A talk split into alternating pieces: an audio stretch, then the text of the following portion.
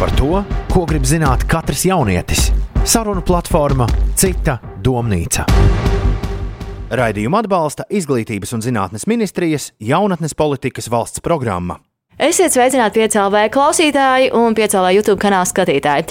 Radījums Citānīca atkal ir klāta, un mans vārds ir Karmen Stepanova. Šodien raidījumā Citānīca mēs runāsim par skolēnu un skolotāju savstarpējām attiecībām.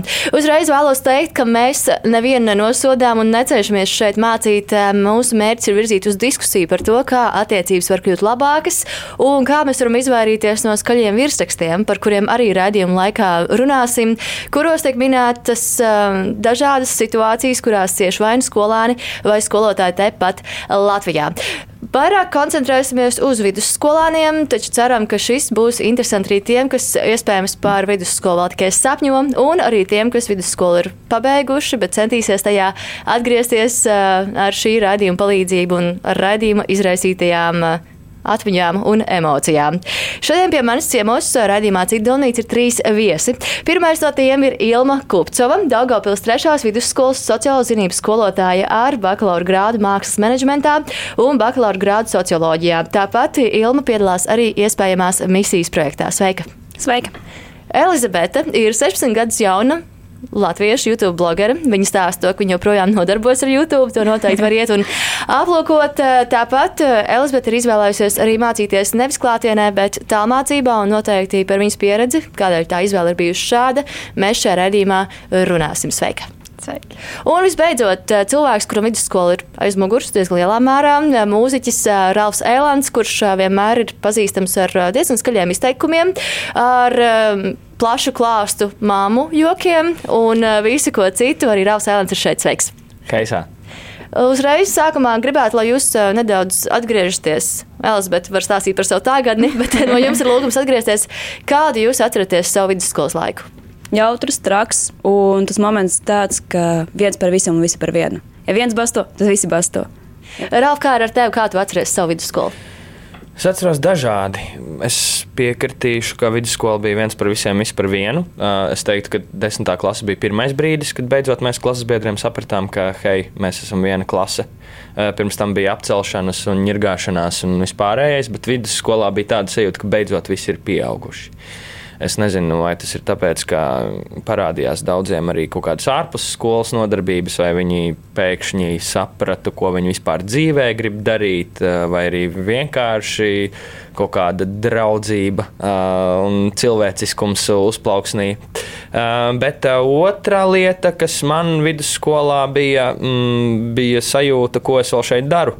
Jo Eh, man ir palēmējies jau no sešu gadu vecuma zināt, ka es gribu būt mūziķis un uh, muzicēt. Un vidusskolā man šķita, ka tā viela tik ļoti vēl atkārtojās un, un ka tas viss ir tik lieki. Uh, man sēdēt tur, jo ārpus skolas nodarbības pulciņi arī tikšanās ar uh, vecāku ģimenes draugiem, man visapkārt bija pieaugušie. Man šķita, ka tā disciplīna man sen jau ir iemācīta ko, ko sniedz skola. Ka, um, vairāk man fiziku, matemātiku, literatūru, latviešu valodu nevajag, jo es jau pats lasu savas grāmatas, jau pats veicu savus kaut kādus pētījumus, kuriem nepieciešami manai profes, profesijai. Man šķiet, ka tie trīs gadi ļoti velkās.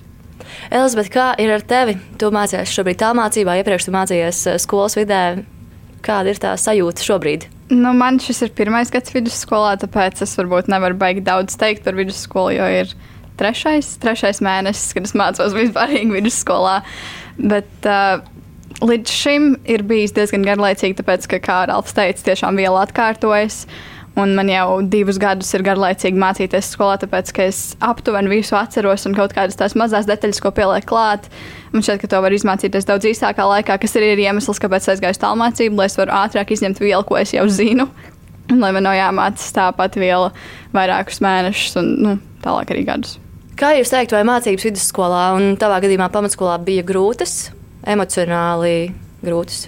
Emocionāli man grūtāk bija pamatskola nekā vidusskola. Vidusskola bija tāda chill out, jo skolotāji bija gatavi mums dot citu informāciju, nekas ir vajadzīgs. Nu, izņemot to, kas ir sagatavojies eksāmeniem, kas ir vajadzīgs, tā informācija.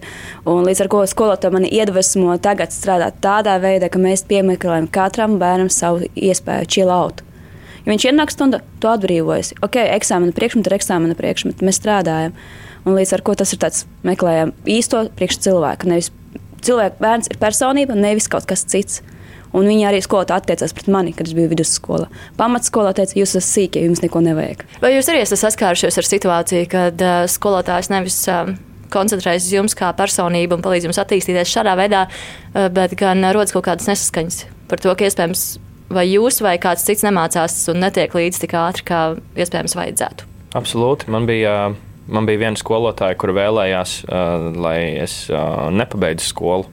Un viņi darīja visu, kas ir viņas spēkos. Uh, kas, manuprāt, ir diezgan muļķīgi, jo es. Lai arī es biju jogdars nu, klasē un, un, un, un māžojos reizēm, bet es piegāju, manuprāt, diezgan nopietni mācībām. Es man ne, nesniedza nekādas atlaides. Pat, uh, ja es biju, piemēram, mēnesi citā valstī muzicēt, man tik un tā bija jāuzraksta tie kontroldarbi un vispārējais. Uh, viena skolotāja vēlējās, jā, viņa uzskatīja, ka, nu, nu ka es neesmu mūziķis, ka man par to nav jākļūst, ka viņas priekšmets ir tas, kas man ir jāiekaļ no galvas. Tas, kas tu būsi nākotnē. Jā, tas ir, tas ir tas, ko viņi veido, un viņi darīja visu iespējamo pat līdz tādam brīdim, kad es dabūju desmitnieka kontroldarbu un aizgāju uz konsultācijām, norakstīju pilnīgi visu, un viņi man ielika septiņi. Un, uh, jā. Manā pieredzē nekas nav motivējošāks kā skolotājs, kas pasakā to, ka tu nepabeigsi vidusskolu. Nu jā, viņai arī neizdevās, jo es pabeidzu. tas ir tā motivācija arī pierādīt savā ziņā pretējo. Bet tas, ka viņi uzspiež kaut kādu savu iegribu, savu vēlmi, kā cilvēkam ir jāizskatās un kā viņam ir jāveidojas, tas man šķiet muļķīgi. Jo atgriežoties pie iepriekšējās sarunas, ka vidusskola ir tas laiks, kad es no citiem skolotājiem, piemēram, tiešām izjūtu, tu esi personība, tagad mēs runājam ar tevi kā ar pieaugušo. Izdari to, ko mēs esam izprātojuši, ko valsts ir izdomājusi, kā mūsu izglītības sistēma lūdzu nokārtot to, bet mēs tev palīdzēsim tavu ceļu veidot. Un, ja ir kāds, kurš izdomājis, ka ir viņa ceļš, tad tas ir ļoti muļķīgi, manuprāt. Kā tu komentētu šo visu kā skolotāju? No savas puses, es šāda veidā 10, 11, 12 skatos viņa ceļu, lai viņam palīdzētu. Piemēram, viņš ir mūzikas, ir mūzika attīsta viņu, palīdz runāt ar skolotāju. Bet es esmu pilnīgi Rauham piekrītu. Nu, neiet nosties skolotāji, kuri uzspiež savus uzskatus. Jo atvainojiet man, jūs bērnu bendējat, ja jūs uzspiedīsiet kaut ko viņa. Nu, Nu, viņš ir tāds. Nu, viņam patīk būt nezinu, ar ziliem matiem. Staigā. Nu, lai staigā ar tiem ziliem, tā ir viņa izpausme. Un, ja viņš var vēl pierādīt, kāpēc viņam tie ir zili mati, ne tikai tāpēc, ka viņam patīk viņi, bet viņam kaut kāda ir jēga iekšā, tad es viņus vienkārši atbalstu tajā visā. Jā, man šķiet, ka pedagogiem vajag uh, veicināt. Viņiem vajag uh, būt tiem kāpēcīšiem, kādēļ. Kādēļ, ja viņš atnāk ar tiem ziliem matiem, ok, labi, tev ir tie zili mati, kādēļ? Izskaidro, meklējam vēl vairāk, ko tu vēlēsies, kā tu vēlēsies, kādēļ tāds izskaties, kā tev tas var palīdzēt matemātikai vai eh, vēl kam citam. Jo jau vairāk tādi pedagogi būs, jo vairāk mēs nenogalināsim radošumu. Un eh, par radošumu es nedomāju vienkārši, ja tu nodarbojies ar mākslu, bet par radošumu jebkurā sfērā. Eh, vienalga, vai tu vēlēsies kļūt par auditu vai jebko citu. Nu, tev kaut kāda kreativitāte un dzīves lielais jautājums, kādēļ es to daru, ir nepieciešams nepieciešams. Un Skol... ir arī iespēja iztēloties vismaz kaut kādā mērā. Elzbiet, lūdzu. Uh, skolotājiem man šeit vajadzētu veidot to kontaktu ar skolēniem, kā viņi būtu negluži vienlīdzīgi, jo tas nebūtu pareizi. Tad skolēni varbūt nerespektētu uh, savus skolotājus.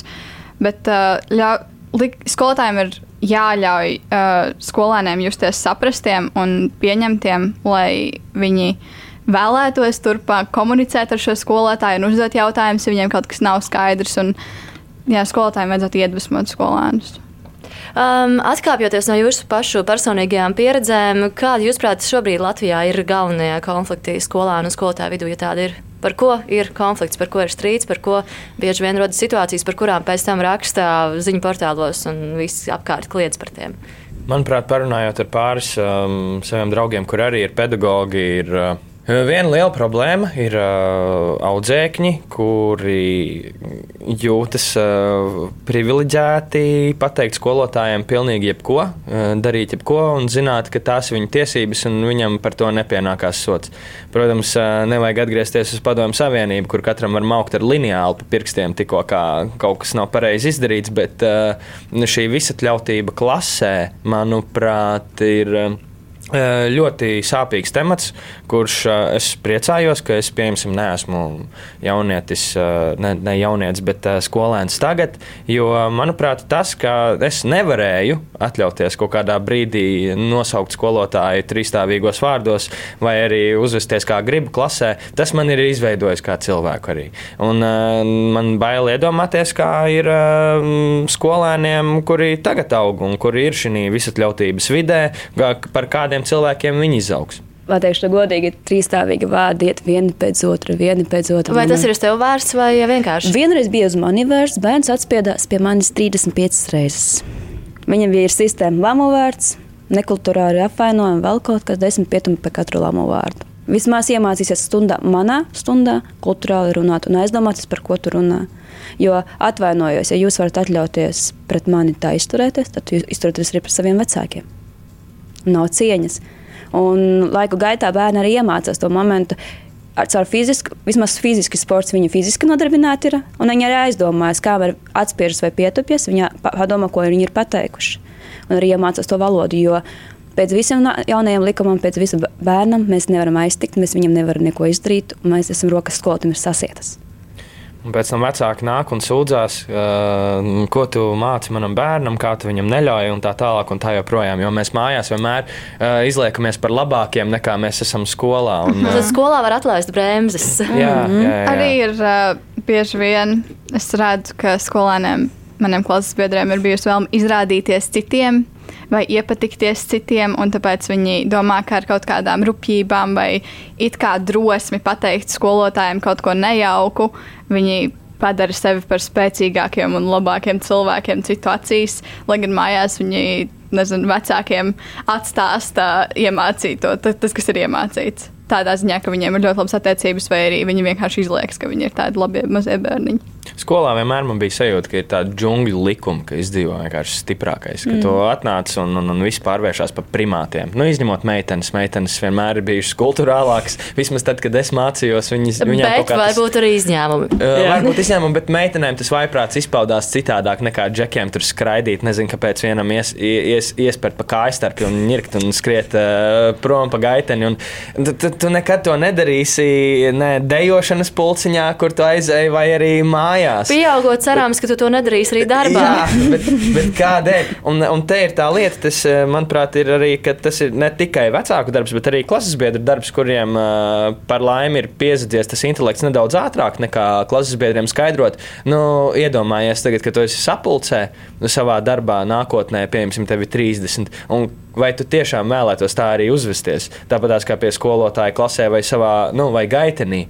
Protams, ir kaut kādam vaiprātam, pubertāte un vispārējais jāaiziet cauri, bet intelektuāls cilvēks autoritātes priekšā, nu, viņam valodiņa noraustās nedaudz. Viņš saprot, kā ir jārēģē un kā ir jāuzvedās. Kādēļ mēs vēl to skolā nevaram saprast?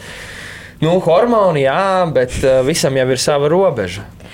Visam ir sava robeža, un pirms brīža mēs runājam arī par to, ka bieži vien ziņās, tāpat Latvijā mēs lasām par to, ka robežas īsti nav, jo skolotāji kļūst par vārdarbības upuriem no skolānu puses. Tā ir gan emocionāla, gan fiziska, un šis ir arī viens no iemesliem, kādēļ mēs veidojam šo citu donītas raidījumu, lai saprastu, vai tā ir un kādēļ tas notiek. Turpināsim ar šo te tematu, un, protams, ka būs arī skolēnu puse apskatīta, bet sākumā gribam aktualizēt tieši jautājumu, kur vardarbības dēļ cieš skolotājs, kurš nāk uz savu darbu, cenšas jaunieti izglītot, un beigās viņš ir tas, kurš ir atapies upuru lomā. Jo, kā jau mēs arī iepriekš aprunājām, tad skolēns drīkst darīt daudz, un skolotājs īsti nevar neko viņam atteikt. Ilma, vai tā ir taisnība? Godīgs. Vai ir tiešām tā, ka tev tās rokas ir tik nenormāli sasietas, ka tu nevari cīnīties pret kaut kādiem gadījumiem? Ja nu skatīties no vienas puses, skolotājiem ir vaļā rokas ja atļauj vecāki. Bet, ja zinot, vecāki, vai mans bērns ir labiņš, viņš neko negrib, un tā, tā nu, viņš sāk, vecāki saka, nu jā, vecāki, to bērns ir labiņš, bet, kad viņš atļaujas ar kājām uz galda un teikt, ja viņš viņu būtu, ja viņš viņu būtu dzēlis, sākā, sāka izies ārā, nu atvainojiet mani, mīļie. Pasēdiet stundās, paskatieties. Nu, jā, vecāki, mums ir bijuši tādi momenti, kad bērns, kurš ir tāds, nu vai mēs sāksim darīt, kā saka, var parādīt skolotājam kulaku viņš var parādīt, ka viņš ir gatavs iekrāpt skolotā. Nu, viņš tā izrādās, viņš saka, nu, pamēģini. Es vienkārši Ko, un ko tu, ko tu panāksi ar to?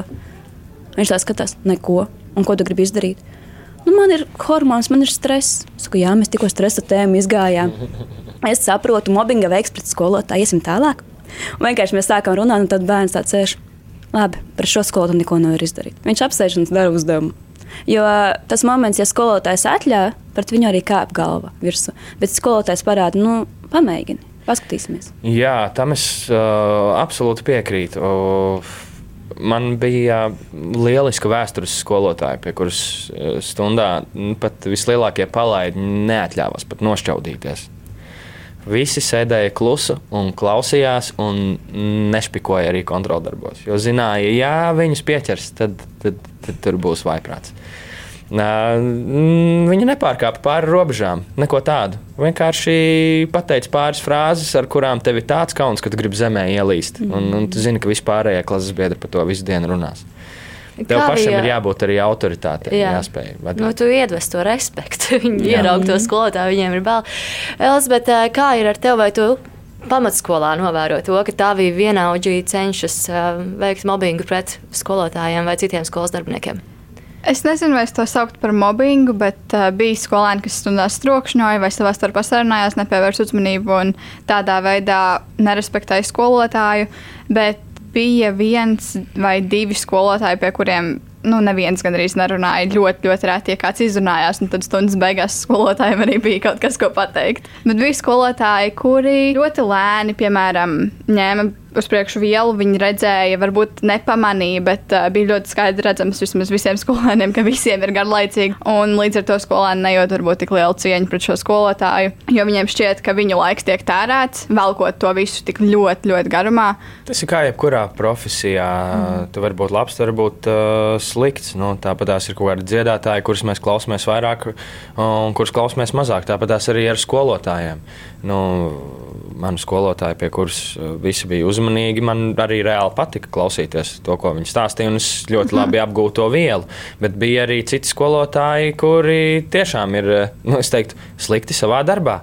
Un, Varbūt viņi nav izpildījuši mājas darbu. Jā, viņi nav izpildījuši mājas darbu, viņi nav sagatavojušies, mm. viņi neprota labi pasniegt to mācību materiālu, lai, lai mēs visi to apgūtu, vai arī viņi vienkārši ir vāji un ļauj sev kāpt uz galvas. Jo negribas atkal visu laiku pārmest jauniešiem, bet, nu, ja tu zini, ka tev ir jāstrādā ar audzēkņiem, kur ir pubertātes vecumā, un tu zini, kā viņi reaģē un kā viņi uzvedās, nu, tev ir jābūt kaut kādam uh, spēkam, lai varētu pārvaldīt uh, šo uh, nepateicīgāko laiku cilvēka dzīvē, lai tu spētu ar to darboties. Uh, pretējā gadījumā, kādēļ tu pasniedz? Nu, ej privāti praksē, lai ne, ej interešu izglītībā, lai pie tevis nāk pieauguši cilvēki, kurus tu zini, ka tu vari savā fokus grupā, savā klubiņā vienkārši apmācīt, bet tu nevari strādāt ar jauniešiem. Un tā man šķiet arī ir ļoti liela problēma skolā. Mm -hmm. Es pat uh, manā laikā, nu, kas nav tik sen, uh, kad es mācījos, man nu, reāli iedalījās, pie kuriem pedagogiem es zināju, ka es varu urbināt degunu, un pie kuriem es uh, tiešām klausīšos un kaut ko iegūšu. Par šo un arī daudziem citiem tematiem un to, kādēļ rodas asumi un negludumi skolānu un skolotāju savstarpējās attiecībās, mēs parunāsim nākamajā daļā, kur dzirdēsim arī komentāru no pieredzējušas skolotājas. Bet tagad piecēlē ēterā mūzika. Saruna platformā Cita domnīca. Radījums Idomīts ir atpakaļ piecēlvē ētrā, un šodien mēs runājam par skolotāju un skolēnu savstarpējām attiecībām. Šeit um, studijā pie manis ir skolotāja Ilma Kupcova, arī dziedātājs Ralfs Ēlans un YouTube blogera Elizabete. Sveiki vēlreiz! Pirms tam mēs jau iesākām runāt par to, kādi ir skolotāji, ar kuriem jūs esat saskārušies, kas ir bijis labi, kas ir bijis slikti. Tādēļ mums būtu vērts parunāt arī par to, kādas ir šīs eh, skolotāja tiesības un pienākumi, kas ir tas, ko viņš drīkst darīt. Gadījumā, ja situācija ir um, spraiga, tad Ilma varbūt var pakomentēt, kāda ir skolotāja pienākuma, kādas ir viņa tiesības, vai ir tiesības un pienākumi. Pienākums paziņot vecākiem, negatīvā, pozitīvā piezīme uzrakstīt direktoram, aiziet pie direktora, pie sociālā pedagoga, pie psihologa. Un tiesību vairs nav. Kā nav? Vienkārši nav tiesību. Nu, mēs nevaram aizsakt fiziski, mēs viņu nevaram sagrābt, mēs viņu nevaram vairs. Nu, kā PSRS laikos varējām sist viņas vēl kaut ko tādu. Vai arī uz zirņiem sēdināt. Vai uz zirņiem sēdināt. Mēs to nevaram darīt vairs. Mums ir rokas, var teikt, tā. Mēs varam piezīmēt, mēs viņam varam aizrādījumu pateikt, vienu aizrādījumu, divus aizrādījumus. Var mēģināt vest pārunas.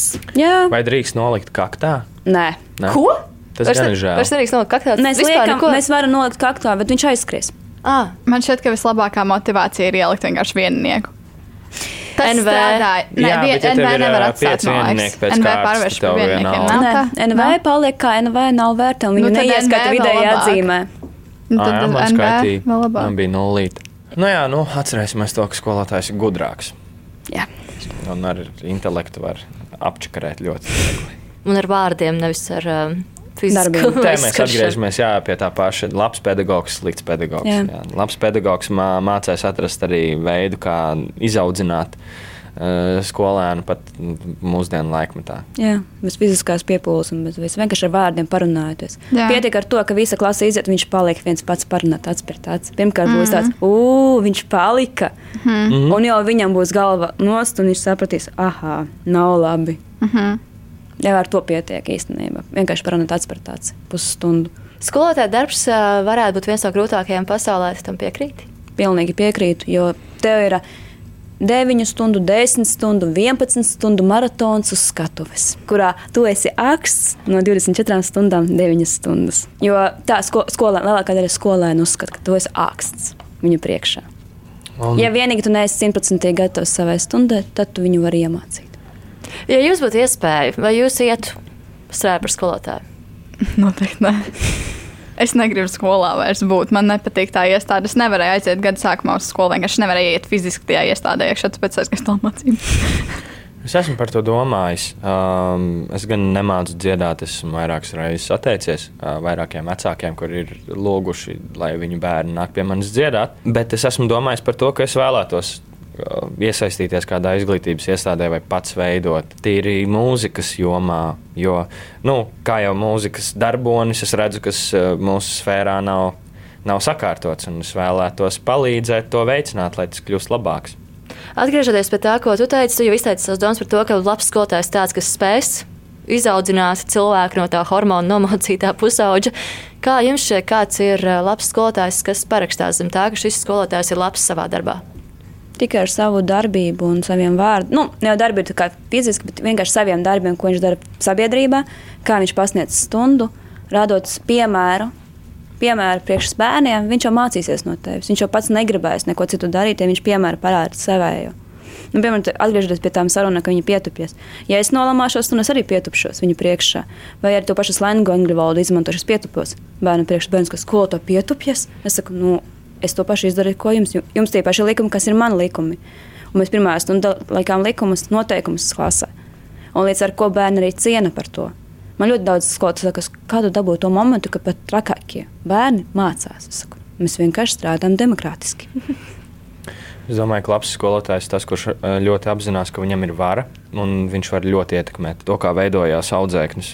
Piemēram, man klases biedri nesen man bija skolas salidojums, mēs satikāmies un divi strādā bankās, uh, augstos. Uh, augstos amatos, un uh, viņi pirmajās klasēs pie mums pirmās skolotājas, kas bija arī klases audzinātāji, viņiem negāja matemātikā. Un viņi stāstīja, ka nu, viņiem nekad nesanāks, un, un, un tā tālāk, un tā joprojām. Ja viņi būtu paļāvušies viņas spiedienam, viņi tiešām būtu to atmetuši uh, malā un uh, pieķērušies kaut kam citam. Bet uh, viņi teica, ka pabeidzot, uh, nu, nonākot vēlāk, citā, uh, vēlākā klasē, kad nomainījās matemātikas skolotāji, viņi bija ļoti priecīgi un arī pēc skolas viņi izmācījās paši un saprata vienkārši, ka viņa bija slikts pedagogs, ka nevis viņiem negāja matemātikā, bet viņi nemācīja iemācīt, un viņa vēl uh, vadīja ļoti destruktīvā veidā stundas, kur viņi kaunināja tos, kuriem kaut kas nesanāk, un līdz ar to, ja viņi būtu vājāki cilvēki raksturā, viņi nestrādātu tagad bankā. Augstos amatos, uh, divi džeki no klases. Tāpat, tās, ja es būtu paķēries uz savu skolotāju, kur uzskatīja, ka viņas priekšmets uh, tā, kur vēlējās, lai es izkrītu no skolas, tā, ka viņas priekšmets ir tas, kas man ir jākaļ un ka tiešām man jāklausa visiem viņas apvainojumiem un pārmetumiem. Viņa pat, pat pateica vienreiz tādu frāzi, ka viņa neuzskata, ka esmu mūziķis, uh, kas vienkārši dziedā dziesmas. Uh, ja es tam būtu paļāvies, tad nu, es šobrīd nebūtu šeit. Bet uh, es pretojos tam. Un uh, ir svarīgi, ja tu esi pedagogs, tev ir vara.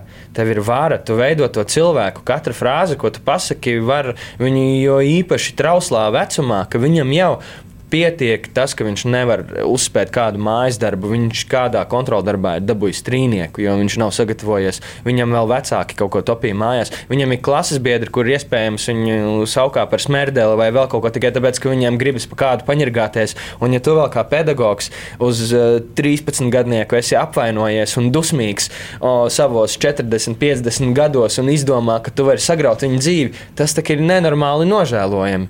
Ja tu esi cilvēks, kurš saprot, kam visam iet uh, cauri tavs audzēknis, un ka tu veido reāli par to, to kas viņš kļūs, tad tu esi labs pedagogs. Un, uh, es pieļauju, ja šī doma tev ir galvā, tad uh, visas pārējās mācību metodas tev vienkārši ies ar vieglu roku. Elizabete, kāds būtu tavs iztēlotais labais skolotāja tēls?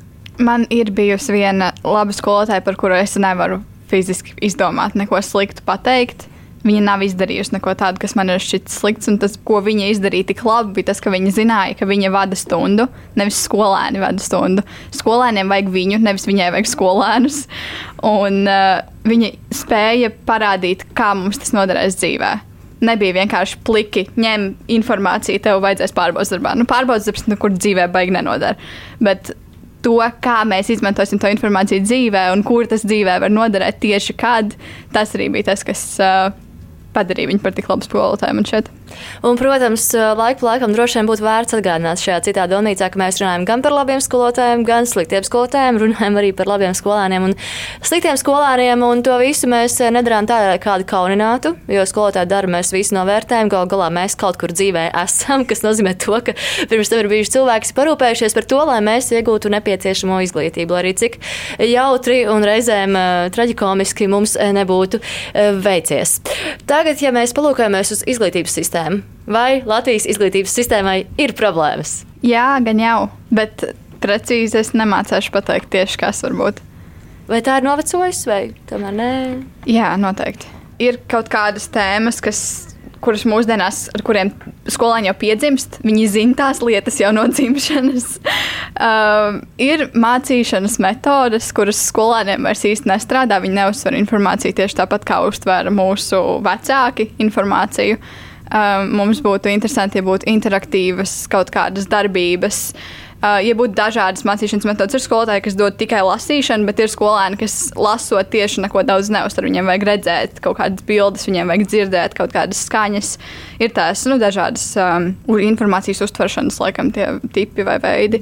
Un tas ļoti noderētu skolās. Uh, arī, ka pielāgot mazliet skolēnam kaut ko, lai gan lai izkoptu arī cilvēku personību, ir jāprot uh, pieņemt to, ka viss nav negriežas pasaulē mums. Uh, bet kaut kādā veidā tomēr palīdzēt skolēnam attīstīt vairāk savus talantus. Tur arī varbūt tas ir pie laba skolotāja, bet skolotāja pienākumos nav attīstīt tieši viena skolēna talantus. Veicināt ja tas, būtu, to, tas varētu attīstīties. Jā, jā, jā. Paldies, tev, paldies, tev, Elizabete. Um, Ilma, runājot par tavu pieredzi, tu darbojies iespējamā misijā, un um, man ir radies priekšstats, ka iespējamā misija ir tieši tas projekts, kas cenšas mainīt lietas. Un uh, viena no kā to labāk pateikt, nesaucot kādu par uh, novecojušu vai tam līdzīgi. Skaidrs, ka jaunie sagatavotie projektā skolotāji nonāk vidē, kurā ir iespējams skolotāji, kas tajā strādā jau 30 gadus. Vai tur nerodas nedaudz konflikti arī skolotāju starpā par to, kā labāk darīt. Jo tomēr ir cilvēkam ir jau tas viņa ieradums, kur viņi iespējams strādā jau no padomju laikiem, un tad atnāk kāds jauns, kurš saka, ka šādi ir labāk. Pirmais iemesls, kāpēc es atgaisu iespējamu misiju. Universitātēs māca veicos standartus, kas neder skolās. Nu, frontālais darbs pie tāfeles, bērnu skaunam pie tāfeles, grupu darbi nav vajadzīgi un tā tālāk. Iespējamā misija mēs esam iemācīti savādāk, strādāt ar bērniem, lai viņi, viņi strādā un mēs ar viņiem kopā mācāmies. Un konflikti skolā būtu, ja es viņam kaut ko teiktu pretī. Es mēģinu izvairīties no tiem konfliktiem. Es vienkārši, ok, tu dari savā stundā tā. Es darīšu savā stundā tā. Un man, ja mani bērni manā stundā iemācīsies to metodu, un viņam viņa strādās, jūs paši redzēsiet savā stundā, mēģinot. Kā piemēram, viena skola saka, viņi grupās nemāks strādāt, viņi nav nekas. Izmēģināt grupu darbi, mācieties paši, jums ir teksts, jums ir skaņa, jums ir viss. Dariet, automātā visu sadariet. Es domāju, ok, labi. Un tas pats moments skolā saka, man jau apnikus uz skolas, vairs nevaru strādāt. Es viņai pajautāju, jūs atvilkat uz skolu tāpat, aiz rociņas atveda jūs uz skolu strādāt. Nē, jūs paši atnācāt. Es saku, es atnācu ar mērķi palīdzēt bērniem iegūt izglītību. Pirmkārt, lai viņiem būtu motivēti, nevis tāpēc ātrāk skolu pabeigt, iet uz tehnikumu. Nu, atvainojiet mani. Jā, teikt, profesionālā izglītība ir vajadzīga, bet ja viņam ir vajadzīga augstākā izglītība, lai iegūtu kaut ko tālāk, piedodiet, nebojāsim bērnus, nečakarēsim viņiem prāti jau no paša sākuma iesim uzreiz tālāk, mācīsim. Izklausās, ka Dārgopilī ir ļoti sprāga situācija. nedaudz, nedaudz seriāla ievirzes. Veidojot, veidojot šo citu domnīcu, mēs uzdūrāmies arī rakstām, kurā bija rakstīts, ka ir sarukusi izpratne par to, ka skolotāja darbs ir misija. Mm. Vai tu piekrīti, vai tomēr tas sāk mainīties un iet uz labo pusi? Uz labo pusi. Varētu teikt tā. Īstenībā, ja pie, tā skolotāja darbs ir misija, jā, viņa ir misija Mēs katrs nākam ar misiju, var teikt tā. Mūzika nāk ar savu misiju, skolēni nāk ar savu misiju, kaut kāda iziet, skolotāja nāk ar savu misiju. Mana misija ir tas, ka es mācu bērnus, lai viņi vienkārši nepazūd. Viņi neizšakarē savus prātus un nesēž uz ielām naudu prasīt. Un tur bija arī minēts, ka misija, jo skolā ir dažādi skolāni, dažādi cilvēki, viņu pieredzes, arī ģimenes apstākļi visticamāk ir dažādi. Nevar gaidīt, ka viss būs izcili audzināti un paklausīgi. Jā. Vai ir arī cerība tiem neaudzinātiem? Jo arī manā pieredzē ir bijusi situācija, kad aizbraucu uz skolu. Un, uh, kāda no skolotājām norāda uz konkrētu bērnu, izceļ viņu no tā bara un pasaka to, ka viņš ir palaidnis, viņš neko nemāca, viņš neko nezina. Tas tāds pilnīgi svešam cilvēkam, kas tajā skolā ir stundu. Un tad rodas tāds jautājums, kāpēc ir nepieciešams skolotājiem tā vērsties pret to vienu Tas nav cilvēkiem. Tas pilnīgi nav nepieciešams. Tas man ir ļoti traks. Nevienreiz es to redzēju, es vienkārši apturu, atvainojos. Tā izturēties pret bērniem mēs nevaram. Jā, viņiem ir savas problēmas, viņiem ir personiskās lietas. Viņas var atrisināt, palīdzēt atrisināt. Bet, ja viņš saka, tas ir personiski, viss krusts virsū, nelienam, viņš gribēs, viņš pienāks, viņš parunās. Nevis publiski kaunināt acu priekšā visiem. Ir īpaši svešiem cilvēkiem. Svešiem cilvēkiem, jā, bet tā arī ir. Tas, ir radies iespējas, ka ir vieglāk pasūdzēties svešam cilvēkam, kas tajā skolā ir uz stundu vai divām, nekā mēģināt runāt ar to jaunieti, kuram iespējams vienkārši viens nav pajautājis, kādēļ, kādēļ notiek šādi. Jā. Man šķiet, ka šis ir diezgan aktuāls temats. Man klasē bija vairāki palaidņi, ja tā var teikt uh, kuri neklausīja, vai pēdējā brīdī pildīja kaut kādas mājas darbus, vai nemācījās pārbaudas darbiem un kaut ko izdomāja. Bet tie ir tie cilvēki ar man šeit visattīstītāko domāšanu savā ziņā. Domāšanu. Jā, viņi var izdomāt risinājumus kaut kādām problēmām, kurām citi skolēni nav sagatavojušies. Burtu kalpi, jā. Viņi nav burtu kalpi. Jā, tieši tā. Viņi lauž kaut kādus stereotipus, lauž likumus un dara kaut ko jaunu. Un pasaulē vienmēr izsitās tas, kas ir jauns. Nu, varbūt nevienmēr ir dažas idejas, kas šķiet diezgan trakas, bet uh, varbūt tālāk tās attīstīsies. Tas ir tas uh, sākums piemēram jaunam, labam uzņēmumam, kaut kādam projektam vai kaut kam tādam. Tāpēc man šķiet, ka nu, atgriežoties pie jautājuma, ir novecojusi sistēma, es domāju, ne tikai Latvijā, bet visā pasaulē tā izglītības sistēma ir nu, viņai būtu, manuprāt, jāmainās. Kaut vai nav, nav tālu jāmeklē, iegūlē jebkuru TED eh, runu, kur runā kāds profesors. Viņš teiks, ka uh, izglītības sistēma nogalina radošumu. Un te nu, atkal es atgriežos ne radošumu, to, ka tev jākļūst par mākslinieku, bet uh, tavu personību viņa nogalina. Un, uh, jo vairāk būs tādas vecās metodas, ka visiem dar viens, tas ir pilnīgs absurds. Jo, nu, lai arī eh, mēs esam unikāli tāpatās kā visi pārējie, bet eh, mēs tomēr esam unikāli. Mēs katrs atšķiramies, un katram jā, ir sava metode, kas arī labam pedagogam padodas. Vēl pedagogam vēl vairāk rokas sasietas tad, ja viņam tiek nolikts blāķis priekšā, kā viņam tas ir jādara, un pilnīgi visiem. Eh, tad, ka tur nav individuāla pieeja un ka tās ir metodes, kuras jau ir cik gadu desmitiem jau tiek piekoptas, bet laika mainās, laika iet uz priekšu. Mums pirms eh, desmit gadiem nebija, ja nemaldos, smartphone vēl. un tagad viņi ir parādījušies. Nu, tik daudz lietas uh, kļūst citādākas, arī kaut vai tās pedagoģa tiesības. No nu, agrāk varēja izdarīt to lineāli, tagad vairāk nevar. Tad, uh, manuprāt, visam pārējiem arī ir jāmainās. Jo citādi būs tāds Rāfs, kurš atopās desmitajā klasē ar jautājumu, ko es vēl šeit daru. Come on! Nu, kāpēc? Tikai atsēdēšanas pēc, tāpēc, ka man vecāki prasa, ka man vēl ir trīs gadi ir jāsēž un jānes mājās labas atzīmes. Kaut gan tāpat tās tētis, tā, kad esam tusiņā, vienā brīdī pasakā, ka tas viss ir fufelis. Nu, Uzrakstīšu zīmi. Jā, Nē. jā tas, tas, nav, tas nav svarīgi, uh, bet tāpat laikā viņš man saka, ka nes man mājās labas atzīmes. Nu, viņš ir uzņēmējs, un viņš, viņš vēl vairāk varētu man uh, pārmest par piecinieku matemātikā. Bet viņš saka, nē, vienalga.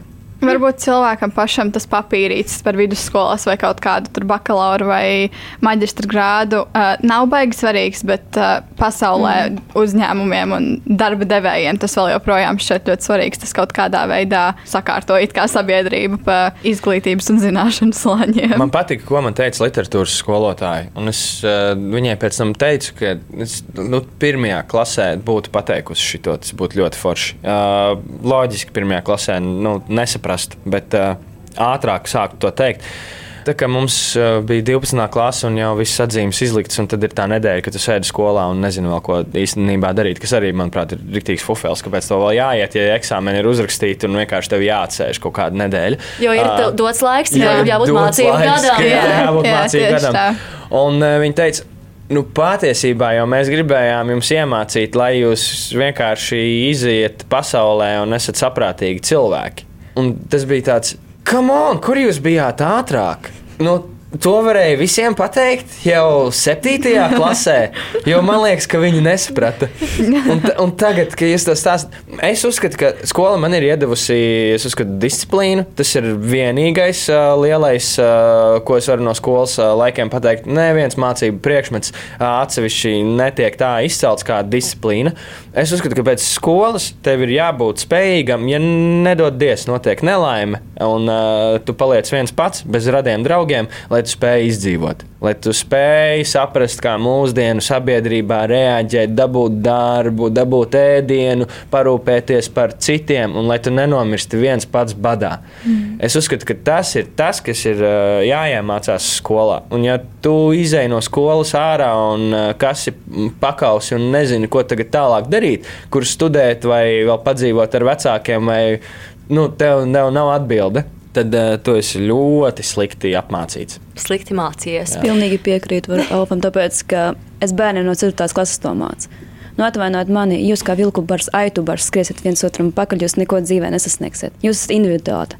Ok, ej uz priekšu, un par tiem pašiem vecākiem, ko es vecāku dēļ. Es saku, jūs domājat ne to, ko jums vecāki saka, jūs domājat ar savu galvu.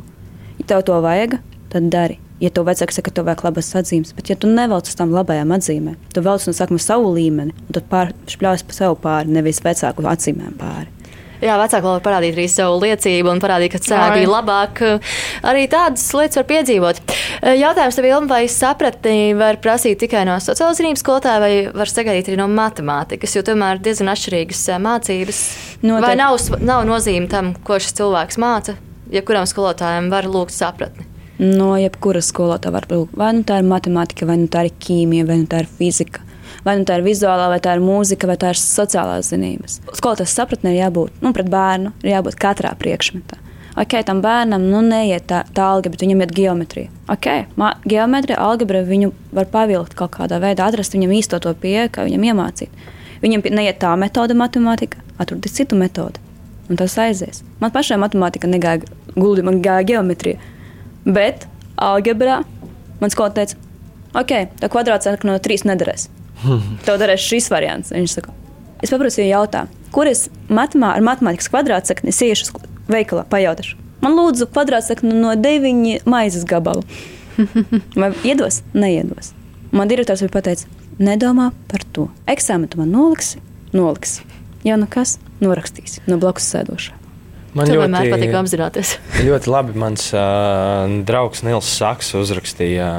Viņš ar uh, bērniem uh, psihoterapijā strādā.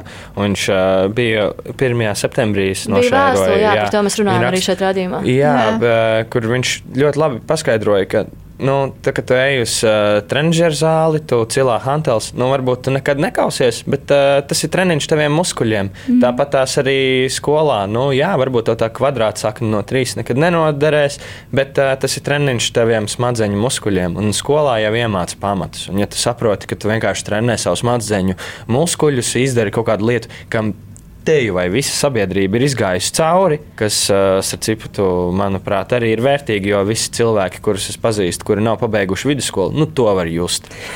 To var vienkārši just uh, komunikācijā, uzreiz vienalga, cik talantīgs, prasmīgs, da jebkāds viņš ir. Es reāli to jūtu. Jo, piemēram, uh, nu, sarunājoties ar cilvēku, tu uzreiz saproti, viņš pabeidz vidusskolu, ok, es varu rēķināties ar šīm aptuveni lietām, nu, ka tās viņš saprot un uh, jā. Pabeigsim visiem, principā, novēlamies pabeigt vidusskolu tādu krāpes ēlens. Jūs satiekot, zinās, ka jūs to neesat izdarījuši.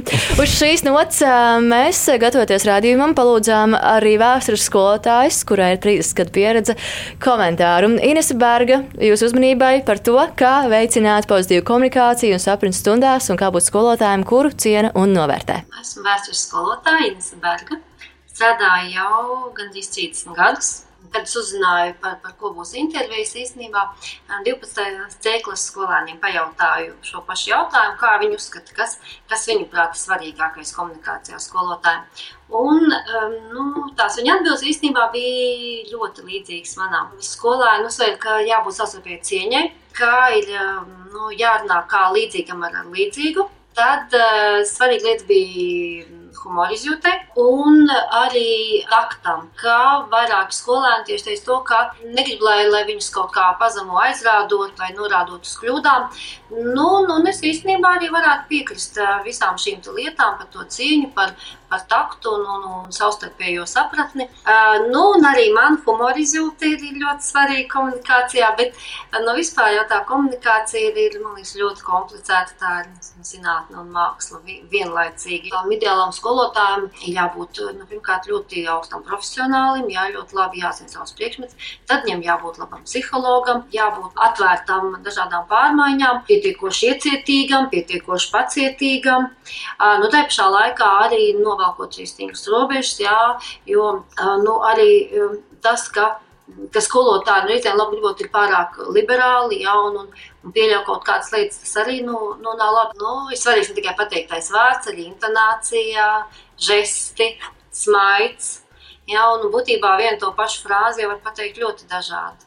Nu, protams, ir svarīga tāda nu, interesētība ja, sarunu biedrā, Nu, lai, lai, lai nebūtu tā, ka viņam skolēni jūt, ka, piemēram, ir vai, vai vienalga, vai neinteresē, vai arī tā arī, piemēram, pateikt, ne, man tas neinteresē, ja, ka tas ir aizvainojoši. Nu, ļoti, ļoti komplicēta lieta.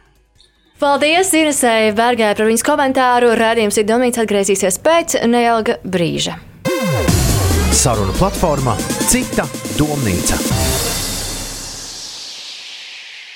Radījums ir domnīca ir atpakaļ piecēlvē ēterā, un ja mēs iepriekš runājām par skolotājiem, tad tagad mēs ķersimies klāt skolēniem. Jo skola tomēr ir vide, kurā visiem ir jāsadzīvo. Gan skolotājiem, kuri dara savu darbu, gan skolēniem, kuri arī savā ziņā iet uz darbu, jo viņiem ir jāmācās un jāatrod šajā iestādē. Tādēļ pievērsīsim uzmanību infografikai par skolānu tiesībām un pienākumiem par datiem. Paldies! lvportāls.lv. Un tādēļ mēs redzam to, ka skolānam ir tiesības justies drošam. Tāpat viņš var saņemt stipendijas, atlaides, dotācijas sabiedriskajam transportam, saņemt arī tiesības uz savas manas aizsardzību, un viņš drīkst izteikt savas domas, neaizskarot citus cilvēkus. Kā jūs domājat, kas ierakstās skolānu tiesībās vēl no paša pieredzes? Man šķiet, ka Elma ir uh, aiziet uz to uz to monētu. Kas ir īstenībā svarīgi, jebkurā brīdī, kad tu vēlēsies? Jā, nevienmēr var aiziet, kurā brīdī tu vēlēsies. Nu, tas, ir, tas ir manuprāt, pārbaudas darbā, tu nevari aiziet. Jā. Kur nevar? Pārbaudas darbā, tu nevari iziet. Tur nav tā, ka skolotājs nu, iet līdz stoltam, un kamēr tu iekšā, viņš ir tad kaut kur, pārsē. Aizvietotājs skolotājs. Mums nav aizvietotāji. Jā, nu, protams, vajag sap, saplānot arī savu toaletes laiku. Jā. Bet uh, stundu laikā nu, bija arī man pedagogi, kur uzskatīja, ka nedrīkst iet nu, čurā biksēs no sērijas. Nu, Vai arī tu pārāk bieži ej, tas sāk kļūt aizdomīgi? Mm. Nedara tā. Nu, man bija skolotāja, kas teica, ka uh, vajag ārsta zīmē, ja grib tas bija Nopietni? sākuma skolā, bet bija skolotāja, kas tā teica. Tas ir labs. Ka ir kaut kāda īpaša, nezinu, vajadzība. Vai ūdeni, piemēram, stundās dzert. Tas bija sākuma skolā. Pamatskolā jau bija tā kā ok. Bet uh, tas bija dīvaini. mēs iedomājamies, jebkuru uzņēmumu, jebkuru uzņēmumu vienkārši, ot, piemēram, tec. Ja? Eh, Tetā vienkārši, ka šefs pasakā, ja tev vajag ārsta zīmi, ja tu gribi noiziet no sava datora un uh, pačurāt. Nu, kur tas darbojas? Kāpēc mēs mācām tādas muļķības jau skolā? Baidīties no prasīšanas, vai es varu lūdzu iziet. Jā. Un tev ir jāpaskato, ko tu darīsi, kad tu iziesi. Jā. Tas ir tas pats, kas ā, man ā, etiķetes skolotāji, lai viņi man piedod, es esmu cepurē šodien. Viņi arī stāstīja, ka pats lielākais absurds, ko vienkārši skolotāji māca, ir ienākt klasē, publiski atvainoties, kad tu esi nokavējis, mm. un tad sēsties. Viņi teica, ja tu esi nokavējis, aizver muti un netraucē citiem. Vienkārši apsēdies klusiņām un klausies, kas notiek. Un šitā te visu uh, roku celšanu, vai drīkst, vai drīkst stot, vienkārši turi muti klusiņām, piecelies un mm. aizēji nokārtojies. Par laimi augstskolā tas viss jau ir ā, pašsaprotami, un to drīkst Jā, darīt. kāpēc to sagaida tikai augstskolā? Kāpēc mēs esam 12 gadus darījuši nepareizi, un no tagad aizmirsti visu to, ko tev mācīja, vat tagad būs pareizi? Tas, Es uh, vairāk izstāstu, kā būtu, ja cilvēki, piemēram, tavu koncertu laikā nokavē. Es atvainojos. Bet jā, tas ir, tas ir tieši tāpatās. Kādēļ? Kādēļ lai viņi tā darītu? Viņi taču saprot, ka tā nav jādara. Hei, čau! Otrā dziesma, piedod, es nokavēju. Kāds starpīgs Vai kāds, kurš sēdies? koncertu laikā grib aiziet stulēt skaļi, to paziņo visiem. Man vajag. Un tad viņš arī aiziet un izdara to, kas ir nepieciešams. Atgriežoties pie skolēniem, viņu pienākumiem un viņu tiesībām, par ko skolēns bieži vien aizmirst. Pienā, par, Pieklājības- pienākumiem, jā, pieklājības normas. Visbiežāk. Vienkārši skolotāju arī vajag cienīt. Jā, Ka viņš ir cilvēks, skolotājs ir cilvēks. Man cilvēks. šķiet, viņš aizmirst pilnīgi visu, kad viņš iet skolā. Viņš, viņš pārvēršas, viņš pilnīgi transformējās. Un to es saku par sevi arī. Es, es biju pilnīgi normāls bērns. Uh, izņemot no pulkstenes astoņiem no rīta līdz pieciem pēcpusdienā. Es biju pilnīgi normāls visu pārējo laiku, bet tajās stundās kaut kas vienkārši mainījās. Es kļuvu par idiotu. Ir patīkami, ka tu jau nu, tu spēji to atzīt, skatoties. Tev nav tāds, ka es biju labs skolēns, es visu darīju kā vajag, un uh, pārējie man nesaprata. Un ir patīkami arī, kad, piemēram, salidojumā tajā pašā es satiku skolotājus, un kuri saprot un parunā, jā, tu tagad esi normāls, viss kārtībā. Tas, tas bija tu. Un ir arī tie skolotāji, kuri vēl joprojām apvainojušies. Nu, tiešām tā, ka vēlreiz atgriežos, kā var būt aizvainots uz 13 gadnieku. Ko tas muļķīgi. 13 gadnieks ir izdarījis? Jā. Vienkārši apstākļi. Es uzskatu, to, ka bērns, nu, piemēram, ka viņš saka, ka saka, idioti vai vēl kaut kas tāds, viņam ir iemesls, kāpēc viņš tā uzvedas. Uzzina iemeslu. Labi, trokšņi, visi trokšņi. Visi pildi, kas trokšņi apsēdies, viņam blakus tā skaisti. Nu, parunāsim. Pēc pieciem minūšu sarunas dara visu darbu. Kaut vai izsēdināšana. Nepalīdz. Jo, nepalīdz ne? Vairs nē. Man palīdzēja, jo uh, man tas viens no iemesliem bija tas, ka nu, čaļi pavilka uz muļķībām, un tā kā man sasēdināja ar kādu klases meiteni, nu, tad man jau nebija ar ko, ko tās muļķības teikt. Nu, es viņai pasaku vienu stulbību, viņa pastāsta uz mani kā uz pamuļķu pilnīgāko, un es saprotu, ok, ar šo meiteni nebūs. Nē, viņa nepavelkas uz to pašu, ko Roberts. Nē, Rāfa iztēlojies. Pirmā sola pārsēdina to skaļāko bērnu, piemēram, uzsēdina pirmā meitene, kur visklusākā, nekad neko nerunā. Viņš pagriež, paliek, jā. viņš pagriežas, ej, Oskar! Un caur visu klasu bļauj. Nu, jā. Tāpēc te, tev šī sistēma vairs neder šeit. Ne, Dažreiz- dažās klasēs der, bet ne pubertātes vecumā. Nu, dažreiz arī tagad telefoni tiek pielietots, lai sarakstītos. Tev aizsēdina uz klases priekšu, draugs ar otrā, nu, pa diagonāli. Jā. Tad tā vienkārši Ja klases telefoni nav nodoti. Es Jā. yeah. ļoti priecātos, ja būtu noteikums, ja drīkstētu tā darīt, ka vienkārši saliec uh, kārbiņā telefons pirms Ir Ir skolas noteikumi. ka tā- Noteik, kas tā mūsu noteikumos ir tas moments, dažās klasēs ir kārbiņas, kur saliek telefons, Jā. bet pēc nolikuma mums telefonam ir jāturas somā. Ja somā, no somas ir viņi izņemti bez skolotājas atļaujas, viņi tiek atņemti līdz 31. maijam. Oh, super, forši. Nu, man, man patīk. Tas ir tas pats, kas koncertos. Deviņi mēneši bez telefona. Vienam cilvēkam atņems, neviens vairs nenāks ārā. Jā, un tu pirms tam teici to, ka, nu, ja tu redz, ka skolēns ir um, nedaudz um, Ne savādā. ne savā ādā, kas ir tās lietas, kas parasti nomāca skolēnus, kas ir tās lietas, par ko ar viņiem ir jārunā tajā brīdī, kad tu piesēdies blakus un 5 minūšu laikā mēģini atrisināt situāciju. Vienkārši uzzināt, kas viņu uzvalk. Ir problēmas, bieži vien klases biedri. Kas viņu uzvelk. Otrs - ģimenes problēmas kādas vai veselības problēmas, kas ir jārisina. Ir jā, problēmas, ka tu neatrisinās nekā. Bet, ja, pro, kā es saku, ja problēmu var atrisināt, tā tā nav problēma. Ja viņa nevar atrisināt, ko tu cepies? Bērns to saka, es necepjos, bet tu streso. Un viņš vairs nestreso, viņš pild uzdevumu. Kā vispār jaunietis jūtas vidusskolā?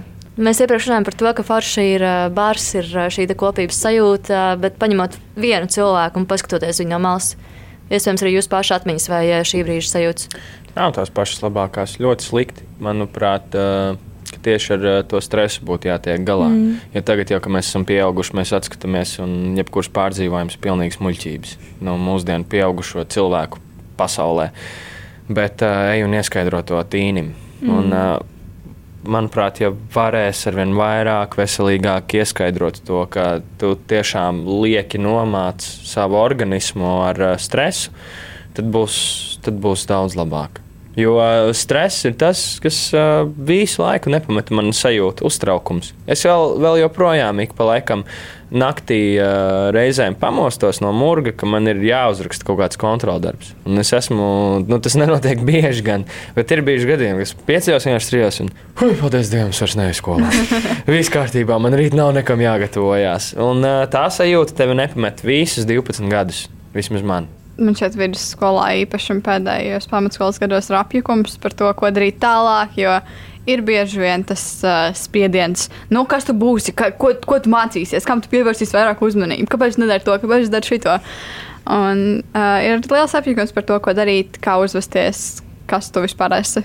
Mm. Tas, tas ir tas hormonu mikslis. tas jau nav arī tikai uh, no pedagogiem, uh, bet tas arī ir pieņemsim no, no radiem. Man, es atceros, mm. tā, ka es izstājos no augstskolas, mana oma un vecmāma raudāja, jo viņas domāja, ka es nomiršu nabaks. Viņām bija uzreiz pieņēmums. Nu, jā, nu, tad, es viņām teicu, nu, jā, bet es taču nu, es nesu naudu, es pērku jums dāvanas. Nu, es muzicēju, jā, bet, ja tu ne, tev nav augstākā izglītība, tad Nu, tagad gan viņas domā citādāk, bet eh, tas spiediens no daudziem ir. Un iedomājies, mm. ka tu esi sīgs nekas, un tu vaicā sev, kas es būšu, un ka tev vēl topī no visām malām, un saka, nu kas tu būsi? Pieņem lēmumu tagad, jo pēc 12. klases uzreiz iestājies, uzreiz mācies to, ko gribi darīt. Un cik mm. daudz audzēkņu piespiedu kārtā aiziet kaut kur uzreiz, un tad viņi saprot, labi, ja pēc mēneša ļoti slikti, ja pēc diviem gadiem studējot, ka šis galīgi nav man. Un tad ir jāskož zobiņš, jātiek līdz galam, jo tu taču esi jau. Es esmu samaksājis, un kredīts taču ir. Jā, un, jā. un, un, un, un, jā. Tādā veidā tā pamats pirmais bakalaurs. Tātad, ja tu sastopies eh, skolā, kurā strādā ar nomāktu jaunieti, kurš nezina, ko viņš grib darīt, ko tu viņam saki? Es desmitajā klasē vispār saku tā. Viņu, viņiem pirmais stress. Es gribu pabeigt desmito klasi, vidusskolu pabeigt, jo viņi uztraucas. Pirmkārt, kas notiek tagad visos portālos, augstāko izglītību varēs iegūt tikai, ja tur ir vidējā atzīme septītnieks, tad tur vēl kaut kas. Viņiem sāk stress būt. Es nepabeigšu, man ir četrnieki, man ir trīnieki, es nepabeigšu. Saku, tu necepies, tev ir trīs gadi. Svarīgākais droši vien būs tas, ko tu izdarīsi 12. klasē. Jā, tagad tu necepies, tu ej uz priekšu. A izvēle tu vari izdarīt pēc gada, pēc diviem gadiem. Atrodi sevi iekšā, ja tev, piemēram, ir stiprās humanitārs, tu skaties sevi uz humanitārās puses. Ja tev ir mūzika, tev ir māksla, vēl uz to pusi. Centies priekš sevis, nevis priekš vecākiem. Tas ir jā, tas pats, ko es jau teicu, ka pēc skolas tam vienkārši jābūt patstāvīgam un spējīgam pieņemt lēmumus. Un, uh, katram jau tas ceļš ir citādāks. Es biju vienā lekcijā, kur tāds Roberts Glaspers, kurš ir dabūjis Grammy balvu kā džēza mūziķis, stāstīja. Es viņam vaicāju, vai man vajag braukt uz Amerikas mūzikas skolu Berkelī, kas ir viena no foršākajām pasaulē, lai būtu foršs mūziķis. Viņš teica, nē tas, ka tu pabeigsi Berklī, nenozīmē, ka tu būsi uzreiz labs mūziķis. Vai tev vajag zināšanas? Jā, bet tas neapstājās pie Berklīs. Tu vari to iegūt daudzos citos veidos. Un, jā, svarīgi ir izzināt, ko tu vēlēsies, kā tu vēlēsies. Tev nav obligāti uzreiz jāiet studēt, tev nav uh, obligāti uzreiz uh, jāiet strādāt. Tev vienkārši ir pašam jāsaprot mierīgi, kā tu to vēlies izdarīt. Man nav augstākā izglītība, bet es nesūdzos. Vai es vēlētos augstāko izglītību? Jā, es pat zinu zinu, ka dienā, kad man paliks garlaicīgi traki no visām lietām, kuras man ir apkārt, un man būs daudz mazāk darāmā, es pavisam noteikti iešu un studēšu. Bet pagaidām es jūtos labi tāpatās. Elizabete, vai tu šobrīd izjūti spiedienu par savām izvēlēm, par savu nākotni? Īsti nē, man ir. Uh, neliels spiediens no vecmāmiņas vienas, kur ļoti grib, lai es mācos augstskolā, bet es viņai saku, ka es izlemšu to tad, kad tam pienāks laiks, jo man šobrīd tas nav aktuāli. Un šobrīd ir tāds sajūta, ka es nezinu, ko tieši es gribētu mācīties un iet mācīšanās pēc iztērēt naudu, nu īsti tā kā negribās. Uh, bet viņai ir ļoti liels satraukums par to, ka man nebūs un ka vajag pasaulē tomēr to papīru, lai var dzīvot, lai var pelnīt. Un arī viens no spiedieniem, ko es gribēju pieminēt, ka tas ir pašam skolēnam vairāk iekšā man šķiet, ir izvēlēties kaut ko tādu, kas uh, nākotnē labi apmaksās, nu, labi apmaksātu darbu, uh, un bieži vien tāpēc tiek atstātas novārtā kaut kādas aizraušanās vai kaut kādas idejas, kuras visi saka, ir muļķīgas, un ka nekur tālu tu netiksi ar tām izvēlēm un, uh, un kaut kādām idejām, uh, un tāpēc tiek atstāti tie mm, sapņi novārtā un uh, aiziet skolēns mācīties par kaut ko, kas viņam pilnīgi neinteresē. Tikai tāpēc, ka it kā tas nopelnīs naudu, bet pēc tam ir kaut kādas psiholoģiskas problēmas, jo vienkārši ir šausmīgs slikts garstāvoklis visu laiku. Tas ir kā kurā nozarē. Piemēram, lai pats pasniegtu, kā pedagogs, tev vajag papīru. Un loģiski, ja tu saproti, ka tu vēlēsies būt pedagogs, tev vajag to papīru. Bet man Raimons Pauls nekad nav prasījis uh, papīru, lai es varētu ar viņu muzicēt. Es gribētu redzēt to brīdi, kad viņš Pienāk to klāt. Tu forši dziedi. Vai tev ir papīrs? Vai tev ir papīrs? Runājot par skolēniem un skolotājiem, līdzīgi kā Nils Konstantīnovs bija sagatavojis vēstuli skolānam septembra sākumā. Mūsu radošā, radošo palīgu komanda no Rīgas Reģiona universitātes arī ir izveidojuši radošo materiālu. Tādēļ pievēršam uzmanību tam. Radio etrā mēs to, protams, varam tikai dzirdēt, bet, ja vēlaties noskatīties, ieskām tev doties uz piecēlē YouTube kanālu. Dārgie skolotāji! Vēlētos sākt ar to, ka jūs esat tik dažādi. Katram ir citādāka pieeja, mācīšana un prasības. Dažreiz mums šķiet, ka viss, ko jūs mums mācāt, vispār dzīvē nenoderēs. Un, ja mums kaut ko vajadzēs uzzināt, mēs vienkārši iesim Google. Un, kad jūs mums uzdodat mājas darbus, mēs domājam, ko tie skolotāji iedomājas patērēt mūsu brīvo laiku. Mēdz šķist, ka jūs nesaprotat, ka esam jauni un gribam doties dzīvē, nevis sēdēt mājās un pildīt uzdotos darbus. Patiesībā jau mēs gribam, lai vairāk ir tādu skolotāju, kuri māk būt ne tikai stingri, bet arī pozitīvi, saprotoši un atsaucīgi. Ar cieņu Sibila 11. Paldies mūsu palīgiem no Rīgas Traņu universitātēs par sagatavoto materiālu, kā jau minēju. Dodamies arī uz YouTube un noskatāmies to, kāds izskatās. Ja mēs, mēs šo visu dzirdam piecēlē ēterā. Vai jums ir komentāri par redzēto un dzirdēto? Mājas darbi. es varu ieteikt, ja mūsu mājas darbu nav skolā. Tiem, kas uh, nav, sa, nav skolēni un kuri nav sastapušies ar šādu situāciju, kā tas notiek? Kā tev vienkārši nebūtu mājas darbi? Es atceros to, ka arī man mācoties pirms uh, daudziem gadiem bija situācijas, kad ir tā, ka tev ir pieci priekšmeti, visos ir mājas darbi, kas ir diezgan apjomīgi, un principā tu sēdi astoņos vakarā pēc kaut kādām mm. nodarbībām vai kaut kā jūtas prātā. Tas moments ir tāds, mums ir princips skolā. Mājas darbi ir tikai varbūt tiem valodu priekšmetiem, kuri valoda jātrenē, tur nekur nevar iziet, vai matemātika, kur aprēķināts prātu treniņam un tā tālāk. Pārējiem priekšmetiem tie nav obligāti. Ja vienīgi nepaņem, neizņem tēmu vēl kaut ko tādu, pabeidz mājas līdz galam. Bet nu, kāda jēga no tiem mājas ja tie bērni to nedara? Un tāpēc ar ko mūsu princips tāds - pildīsim, mēs turpināsim tālāk un iesim ātrāk tēmu pēc, pēc jūsu tempa, jo katrai klasē ir savs temps, kādā viņi mācās. Man šķiet, ļoti laba lieta ir tās konsultācijas. Mm. Ja tu nesaproti, atnāc pasēdi, tiešām izvērtē savu laiku, saproti, ka tev vajag pamācīties vēl, lai tu neiekavētu. Bet tas, ka tev vienkārši noliek blāķi ar lietām, kuras vēl tev jāizdara, un kur, kur ir tavs brīvais laiks, kur mēs būvējam mm -hmm. personību, kur tu aizēji spēlēšanu uz šaha pulciņu, kur tu aizēji paspārdīt bumbu ar saviem draugiem, kurā brīdī tu tiešām veido sevi un saproti, par ko tu vēlēsies studēt. Tikai tas, kas skolā notiek, principā ir uh, skolēna galvā, tāpēc, ka nav laika nekam citam. Vai arī, ja gribas laiku kaut kam citam, ko, protams, gribas, tad uh, papildu varbūt kādu mājas darbu, un tad līdz kādai pusnaktī, diviem naktī vienkārši dari savas Vai lietas. arī ja ej uz skolu un prasa saviem klases biedriem, Un kurš uzrakstīja vienkārši norakstu, lai dabūtu to ieskaitīt. Es visu. Es visu vidusskolu norakstīju, nepildīju nevienu mājas darbu. Nevienu mājas darbu neizpildīju. Man meitenes, uh, draudzenes manā vietā rakstīja domrakstus. Elizabete, kādas tev šobrīd ir attiecības ar skolotājiem mācoties tālmācībā? Vai vispār veidojas kaut kāda komunikācija? tikai ar vienu skolu, ne ar divām skolotājām. Tas nozīmē, to, ka ikdienā mācoties, tu nejūti nekādu to um, skolotāju klātbūtni un komunikāciju ar skolotāju. Um, nu jā, ja man ļoti vajag, es varu sarunāt konsultāciju, bet pārsvarā nevajag, tāpēc, ka tās tēmas atkārtojas, un man tā nav baigi jautājumu. Wow. Vai brīdī, kad tu, piemēram, uzrakst pārbaudas darbu, tev tavas kļūdas izskaidro kāds? Uh, ja man interesē, es varu piezvanīt un pajautāt. Piemēram, matemātikā man interesē, kuras nokļūdu, jo es biju arī viens uzdevums, ko es vienkārši nesapratu, nezināju, kā izrēķināt. Tāpēc es sarunāju ar skolotāju konsultāciju, es gribēju, lai viņi man izskaidro to uzdevumu, jo tomēr matemātika ir eksāmena priekšmets.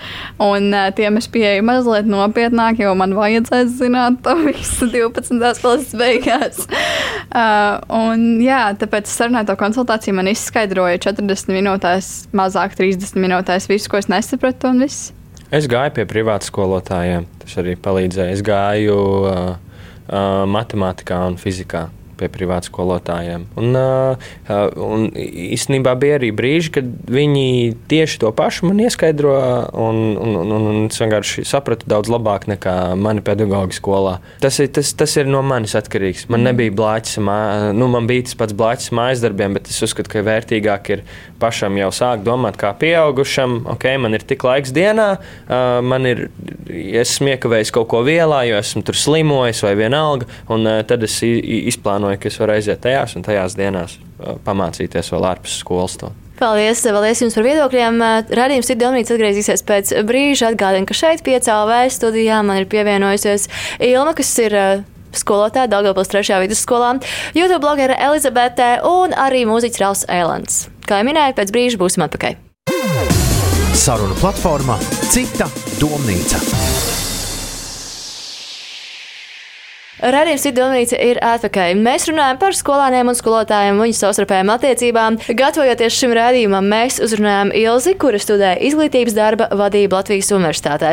Ko viņa sagaida no sava darba, to noskaidrosim sižetā. Mani sauc Ilze, es esmu Latvijas Universitātes studente un es mācos par izglītības darba vadītāju un vienu mācību priekšmetu skolotāju, un šis mācību priekšmets būs angļu valoda. Man vienmēr ir piesaistījušas attiecības ar bērniem un cilvēkiem. Sēdēju parasti ļoti labi komunikāciju komunikācija ar viņiem, un es vēlējos izprast cilvēku pedagoģisko un psiholoģisko pusi. Nu, tā kā es skolotāju darbā ir, kā viņas novērtē. Jo skolotājs ļoti daudz iegulda savu dzīvi, un brīvo laiku un visu savu enerģiju, lai redzētu, kāda ir izaugsme skolēniem. Tas man šķiet arī vismazāk tiek novērtēts. Manuprāt, skolotājiem un skolēniem savā starpā jāievēro ir uh, savstarpējais respekts. Ja skolotājs respektēs skolēna vēlmes un skolēns kā, klausīs skolotāju, tad es domāju, ka viss būs kārtībā un viņi atradīs savu vienoto ceļu, lai sastrādātos. Paldies uh, Ilzai par viņas viedokli un par viņas redzējumu. Mēs dzirdējām to, ka jaunos skolotājus iespējams baida tas, ka netiks novērtēts viņu darbs. Kā pārvarēt šīs bailes? Vienkārši iet un darīt. Un tas ir viss. Jā, ej, dari pāri. Ja tu esi gatavs uz 50%, tad bērni arī nenovērtēs, jo viņi jutīs tavas bailes. Paldies, paldies jums visiem trīs par šiem personīgiem stāstiem, kur jūs, principā, vēl kādā gārā gan savas atmiņas, gan Elizabetē nācās atgriezties pamatskolā vēl, ne tikai vidusskolā. Un tojoties redzījuma noslēgumam, mēs arī piecēlē Instagram kontā jautājām sekotājiem iesūtīt domas, ko atrodoties skolā domā skolotājs, un tāpat iesūtīt domas, ko atrodoties skolā domā skolēns. Parasti domā par to, ka dzīvē viņam to nevajadzēs. Cerams, ka skolotāji neatnāks viņā vēl 5 minūtes, jo mēs visi atceramies to, ka, ja kavē 15 minūtes, tu vari iet projām. Jā. Un tas tika arī izmantots. Un pēc 20 minūtēm skolotājs zvana un prasa, kur ir visa klase. Viņa jau ir kinoteātrī. Vēl, protams, ir jāskaita, cik mēneši atlikuši līdz vasaras brīvlaikam, jādomā par saviem piekdienas plāniem un vai simpātija būs šodienas skolā. Bet runājot par skolotāju pārdomām, um, mēs, protams, no jums varētu dabūt tādu pirmo iespēju, kad viņi iet skolā, kas ir tās piecas lietas, kas izskrien cauri viņas galvai.